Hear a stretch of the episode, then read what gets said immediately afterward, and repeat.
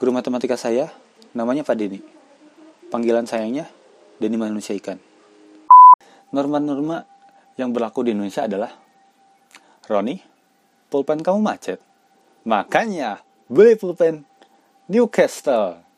Kamu akan ya jadi ada norma hukum, norma sosial.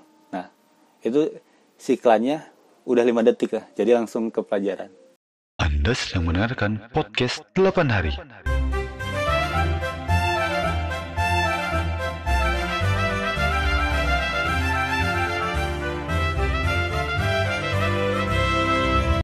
Hai, selamat datang di podcast 8 hari bersama saya Faren Bunatama Segala. Uh, orang bikin podcast ini karena orang rasa orang tuh sering kesal gitu sama banyak hal gitu. Tapi bingung gitu ngasih taunya di mana. Kalau misalkan di tulisan orang rada males nih sekarang uh, buat nulis. Kalau misalkan grafis, maksudnya kayak konten-konten Instagram itu orang rada ribet desainnya. Ya udahlah. Saya mencoblak saja di podcast ini dan di podcast ini orang bakal sering ngomong urang karena uh, saya tidak mau ngomong gue terlalu Jakarta sentris jadi saya ngomong urang urang itu bahasa Sunda yang artinya aku gitu. Soalnya kalau misalkan ngomong saya kan agak kerasanya agak sedikit terlalu formal gitu. Jadi biasanya kan orang orang-orang yang punya bahasa daerah biasanya sayanya itu diganti. Kalau misalkan di Papua beta kalau misalkan di mana mana? Kalau di Bandung orang tuh kali ya. Dan belakangan tuh orang uh, kasal banget gitu sama banyak banget gitu. Kayak orang-orang di Indonesia tuh kurang pinter gitu. Yang kurang baca gitu-gitu. Kayak kemarin uh, jadi ada berita ya dari media terkemuka. Jadi beritanya tuh tentang insiden uh, uh, Erikson Christian Erikson waktu laga Swiss lawan Finlandia. Jadi waktu itu uh, tumbang. Nah, uh, waktu itu kan uh, Kejair tuh sangat responsif banget ya. Dia langsung ngebenerin posisi badannya Erikson, manggil medis, terus minta teman-temannya buat bikin kayak barikade gitu, terus nenangin istrinya dan uh, sebagainya. Nah, itu kan banyak diliput sama media salah satunya media ini bikin tulisan tentang itu. Dia bikin judulnya uh, aksi superior Kejair bener gak sih ngomongnya kejair kayak ikan. Aksi superior kejair membuat eh menghilangkan rivalitas antara AC Milan dan Inter Milan. Kalau ya kira-kira gitulah eh, nggak uh, persis seperti itu tapi kira-kira gitu. Terus orang-orang tuh pada komennya tuh negatif tuh pada wah ngomong kasar apa segala macam ini kan soal, soal hidup dan mati. Apalagi ini kan membela negara. Ngapain ngomongin rivalitas? Nggak ada simpati apa segala macam uh banyak banget lah komen negatif. Terus orang kan penasaran kan emang si tulisannya gimana sih? Orang baca tulisannya dan setelah orang baca tuh tulisannya bagus banget sih menurut orang apik gitu. Si si tutur pencitraannya si diksi yang dipakai bagus gitu. Salah satu kutipan yang orang suka adalah dia bilang gini e, aksi Simon Kejair menunjukkan secara apik fungsi dari sepak bola yaitu menggalang solidaritas. Jadi bahasa bahasanya teh enak gitu dibaca. Terus akhirnya orang nemu tuh poin rivalitasnya. Jadi jadi Simon Kejair kan uh, pemain AC Milan. Nah aksi yang uh, dilakukan sama Kejair ini bikin banyak orang nih uh, apa suka gitu. Salah satunya pemain Inter Milan yang namanya uh, Barella. Barella salah satu orang yang muji uh, Kejair gitu. Selain beberapa selain beberapa orang juga yang banyak yang suka. Nah maksudnya dia uh, nge-highlight itu dan bilang bahwa ya ini sehingga mem memperlihatkan bahwa menghilangkan rivalitas antara Inter Milan dan AC Milan. Jadi nggak hanya tentang uh, Christian Eriksen dan Kejar saja yang berbeda tim gitu tapi banyak hal di luarnya gitu. Jadi tulisan yang bagus tapi di di komen negatif gitu nah akhirnya kan timbul persepsi dari saya ya ini mah orang-orangnya negatif nih nggak baca nih nggak baca beritanya. Karena kan sering terjadi ya yang sebenarnya inti beritanya apa tapi karena nggak ada baca di di apa sih diprotes gitu. Dan memang kan kita tahu sendiri bahwa e, rendah banget nih e, tingkat literasi di Indonesia. Nah makanya orang tuh mikir ya emang segini jeleknya ya mutu pendidikan di Indonesia gitu. Nah makanya di podcast ini orang pengen ngomong ini segala sesuatu tentang pendidikan. Mari kita mulai. Uh, waktu SD SMP orang tuh ngerasa pendidikan tuh baik-baik aja deh. Soalnya waktu SD SMP orang tuh pinter orang ngerasa pinter gitu. Soalnya bahkan orang tuh pinter matematika.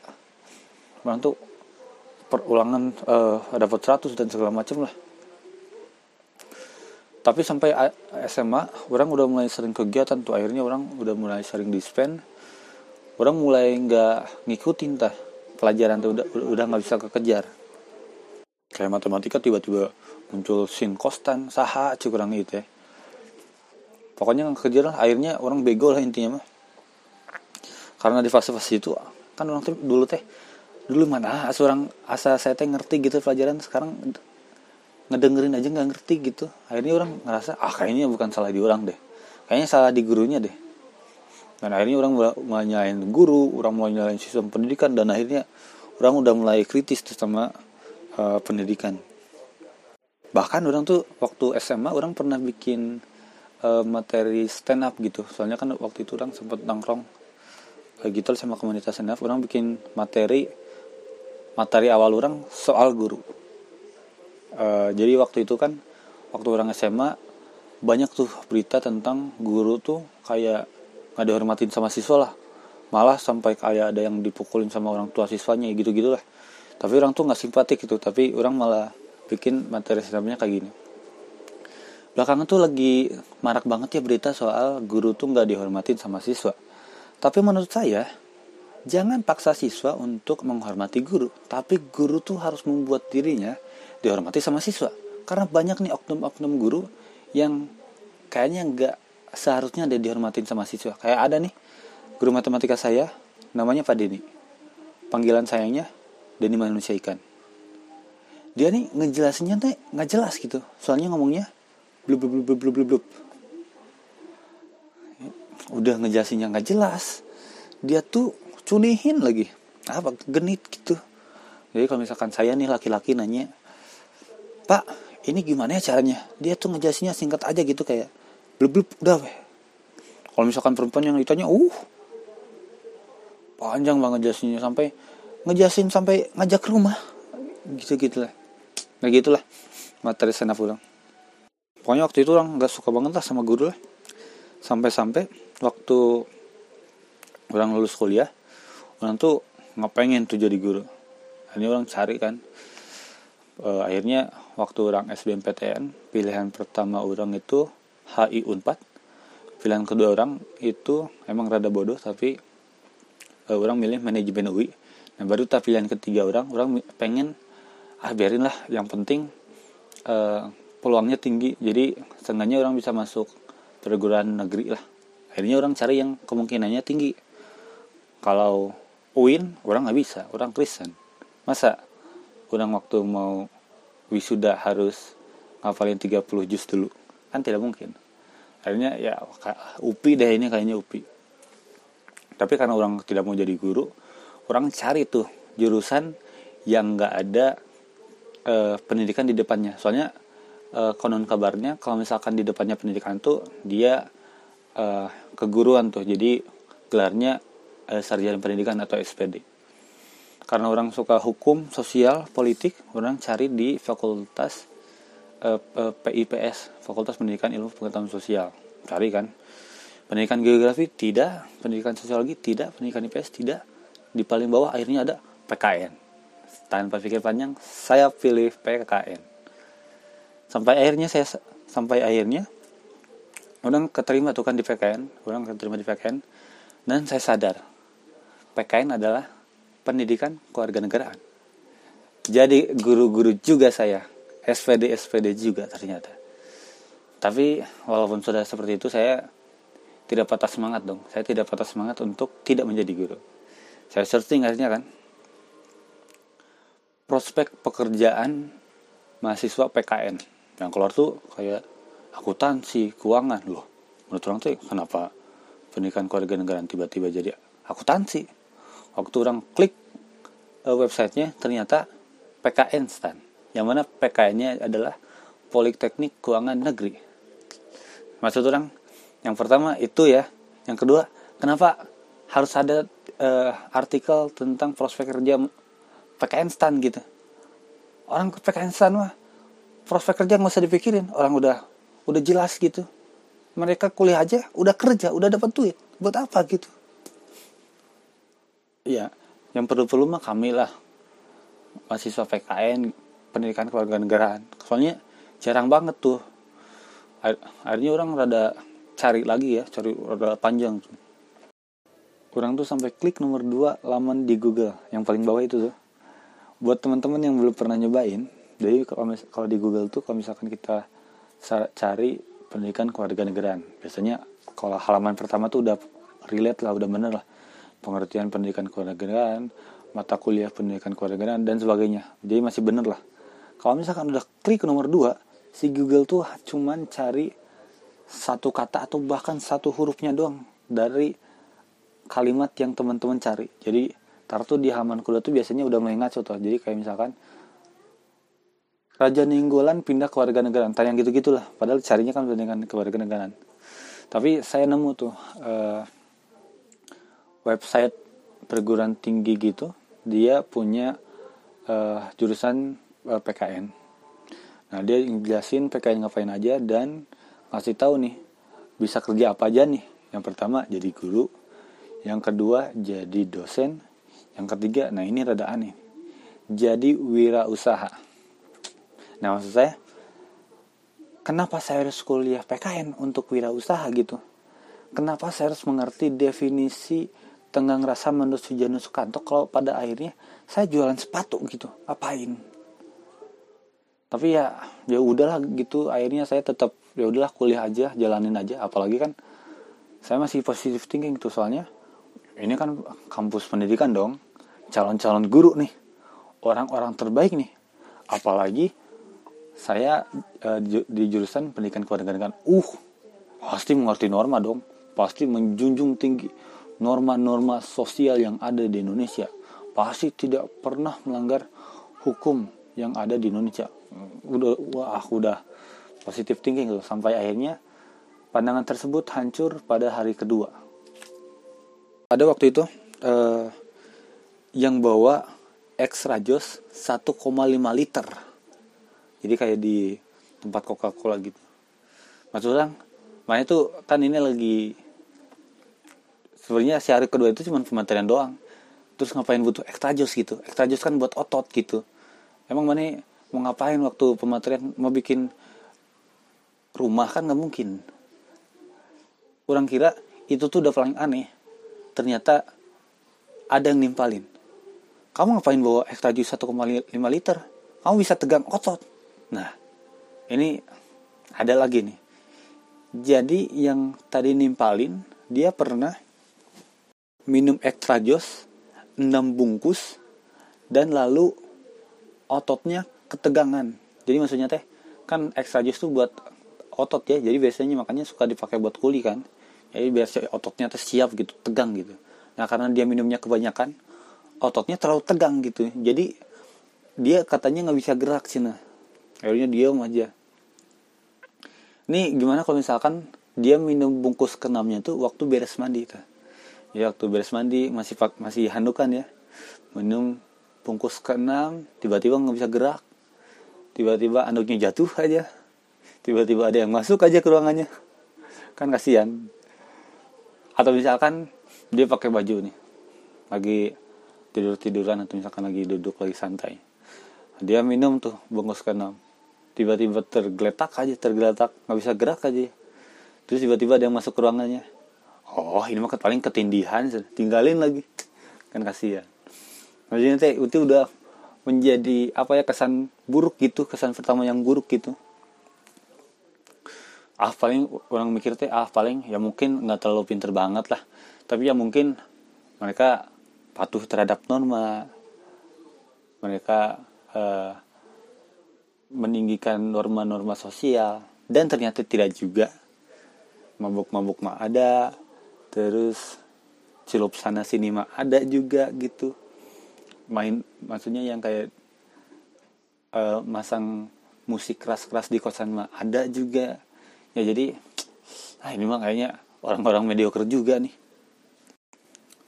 Yang mana akhirnya bikin orang mikir ya oh jadi orang-orang seperti ini yang pengen jadi guru mak pantesan kualitas guru kayak gini menurut orang teh. Ya karena orang-orang calon gurunya aja kayak gini. Yang mana orang sadari ya bukan orang ter, orang-orang terbaik gitu.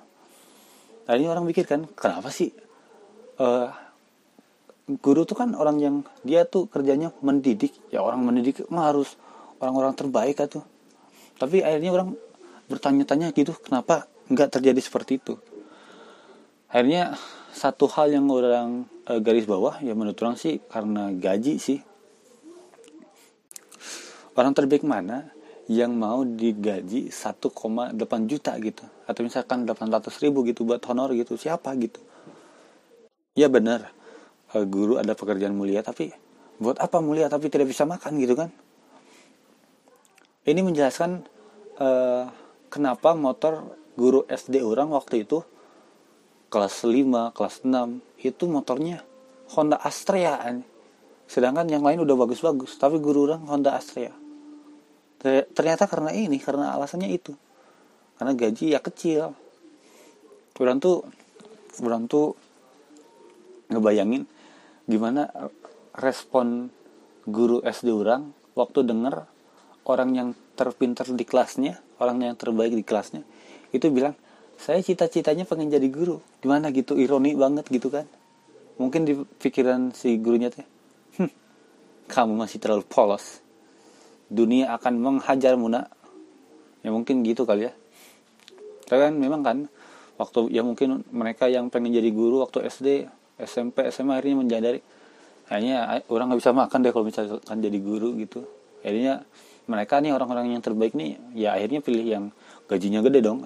Akhirnya pala pilih ke manajemen eh, akuntansi terus pertambangan dan yang gitu gitulah akhirnya yang terbaik ke sana yang yang suka mabar yang suka niron yang suka apa sih teriak-teriak di kelas. Ya akhirnya itu orang-orang seperti itu yang jadi guru dah. Ya saya ya saya gitu. Saya tidak pernah menyadari bahwa saya akan menjadi salah satu aspek yang membuat pendidikan di Indonesia menurun gitu tapi orang tuh akhirnya mikir ya kenapa sih guru tuh gajinya nggak gede sih? Akhirnya eh, kemarin tuh ada ada tweet di Twitter dibikin sama oleh dibikin sama Dia Nugrah dia tuh ngebahas tentang influencer yang sekali posting dapat 80 juta sedangkan ada yang kerja hanya dapat 800 ribu gitu. Akhirnya banyak kan terjadi diskusi salah satunya adalah ada yang bilang ya memang perputaran uang di dunia per influenceran itu gede. Soalnya kan ada brand yang masuk ke sana dan segala macam gitu. Nah sedangkan kalau misalkan guru kan mungkin uangnya itu adanya paling dari eh, APBN kalau misalkan swasta dari SPP siswa itu pun kalau misalkan si siswanya bayar SPP ya. Soalnya kan sering tuh kan kita misalkan lagi sekolah nggak bayar SPP terpaksa bayar SPP-nya waktu pengen ujian tuh. Caranya kita dilatih untuk menciptakan alasan-alasan. Misalkan "Eh, ibu mohon maaf saya belum bayar SPP orang tua saya kemarin waktu gajian beli Diamond Mobile Legend nah, gitu-gitu lah Nah, kan biasanya tuh si eh, pegawai TO-nya tuh yang galak-galak tuh. Hari hari hari hari kamu ini aduh belum kamu nunggak tiga bulan nih. Ya udahlah udah gini ya. Kalau misalkan kamu mau ulangan nih bayar dulu lah SPP minimal satu bulan dulu aja. Nanti ibu kasih kartu ujiannya. Ya, biasanya kan gitu kan. Itu misalkan swasta ya berarti dari uang SPP kalau misalkan negeri itu dari APBN kan. Yang mana sebenarnya APBN buat pendidikan tuh gede tuh Kementerian Pendidikan tuh salah satu salah satu yang anggarannya tuh paling besar kalau nggak salah 20% soalnya diamanatkan oleh undang-undang tapi permasalahannya tuh penyerapan anggarannya tuh sangat sangat buruk gitu kalau nggak salah Ya, misalkan uh, anggarannya 20% tapi jatuhnya tuh kayak misalkan 5%, 10% gitu-gitu lah. Itu masalahnya gitu. Yang mana kadang juga bingung gitu kan, kadang uang negara tuh dipakai ke mana gitu. Malah kemarin sempat ada isu buat uh, apa Kementerian Pertahanan pengen beli alutista, pengen beli apa uh, senjata cadangan yang harganya itu kalau nggak salah uh, setengah dari APBN kita gitu. Nah gitu gitulah nah, makanya menurut orang uh, si guru tuh harus lebih kreatif ya kayaknya untuk mencari cuan gitu untuk menghidupi mereka hidup akhirnya ini menjelaskan kenapa di kuliah orang tuh ada mata kuliah kewirausahaan. Nah teman-teman kan kayaknya familiar lah sama guru yang pandai berwirausaha gitu. Kayak misalkan waktu uh, sekolah gitu pelajaran seni musik gitu. Waktu pelajarannya adalah angklung. Eh angklung lagi. Misalkan suling misalkan. Akhirnya kita kan pasti beli sulingnya di guru itu dong. Iya kan? Atau misalkan guru seni rupa uh, alat gambarnya di bapak aja beli belinya di bapak aja. Soalnya emang disediakan sama bapaknya gitu. Atau misalkan uh, kalau renang tuh kalau renang uh, untuk teman-teman yang gak renang ya udah uangnya aja. Ntar dapat nilai. Nah, ya gitu gitu kan. Atau misalkan yang klise mah ini apa jualan LKS kan. Gitu gitulah ini menjelaskan gitu. Tapi mungkin di era sekarang gitu perlu lebih kreatif nih guru-guru tuh untuk mencari cuan gitu. Kan sekarang lagi musimnya iklan atau misalkan uh, berlangganan berbayar gitu kan. Nah ini coba nih guru menerapkan pada saat pelajaran gitu. Misalkan waktu guru lagi ngejelasin nih norma-norma yang diterapkan di Indonesia adalah diem we. terus si mahasiswanya eh si siswanya tuh bingung kan tiba-tiba ada tulisan klik untuk berlangganan untuk mendapatkan informasi lebih lanjut diklik weh oh uh, berlangganan untuk mendapatkan pelajaran lebih lanjut bisa lewat OVO, GoPay, Dana gitu-gitu sebenarnya. Terus misalkan ada yang bayar, ada yang ikut berlangganan, klik tetap ada di kelas. Kalau yang nggak berlangganan tiba-tiba keluar weh, dari ruangan, gitu sebenarnya. Atau misalkan iklan misalkan. Norma-norma yang berlaku di Indonesia adalah Roni, pulpen kamu macet. Makanya beli pulpen Newcastle. Kamu akan ya jadi ada norma hukum, norma sosial, itu siklannya udah lima detik lah jadi langsung ke pelajaran gitu sebenarnya gitu sebenarnya gitulah makanya guru tuh harus lebih kreatif lah apalagi eh, satu hal yang bikin orang yakin bahwa pekerjaan guru tuh tidak terlalu menjanjikan gitu. Karena orang sering melihat profesi guru di up komedi. Dodit Mulyanto kalau nggak salah dia guru seni musik kan. Terus juga di sisi 8 itu ada guru juga tuh dia materinya tentang LKS tapi tidak teman-teman perhatiin aja lah mereka yang ikut senam komedi itu mereka biasanya pekerjaan pekerjaan yang kurang menjanjikan gitu yang cuannya kurang gitu.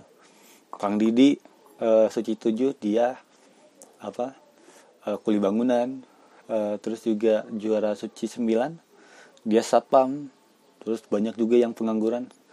Satu-satunya yang pekerjaan yang bagus tuh pekerjaan yang bagus pekerjaan yang dirasa menjanjikan ke Irfan Karta tuh S Suci 6 dia dosen tapi ya mungkin itu mah kayaknya penelitiannya belum cair aja gitu jadi sambilan lah. Tapi ya gitu gitu.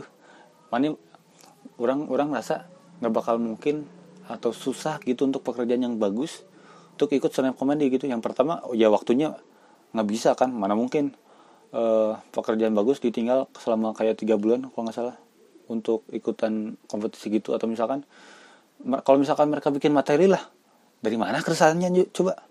Kuli bangunan keresahannya enak uh, guru keresahannya enak. Coba kalau misalkan manajer gitu. Saya ini manajer jadi manajer tuh banyak yang cewek-cewek banyak yang suka kan. Di mana keresahannya coba kan. Ya gitu lah ini juga menjelaskan kenapa saya bikin podcast ini. ya mak maksudnya sebagai calon guru yang prospeknya masih suram ya saya mencari pegangan lah.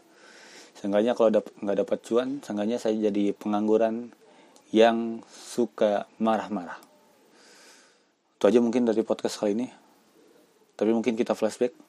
Dia yang pertama eh, si anggaran pendidikan tuh harus lebih diketatan lagi supaya si apa si turunannya itu ya benar-benar segitu gitu. Yang kedua si gaji guru eh, ya harus ditinggikan lah ya supaya orang-orang terbaik tuh pengen gitu melirik pekerjaan guru gitu. Yang ketiga ya itulah kalau misalkan ternyata tidak ada perubahan dalam skema gaji guru ya guru harus lebih pandai dalam mencari cuan. Itu saja mungkin dari podcast kali ini. Selamat ketemu di episode selanjutnya. Saya Farin Bonatama Segala. Ciao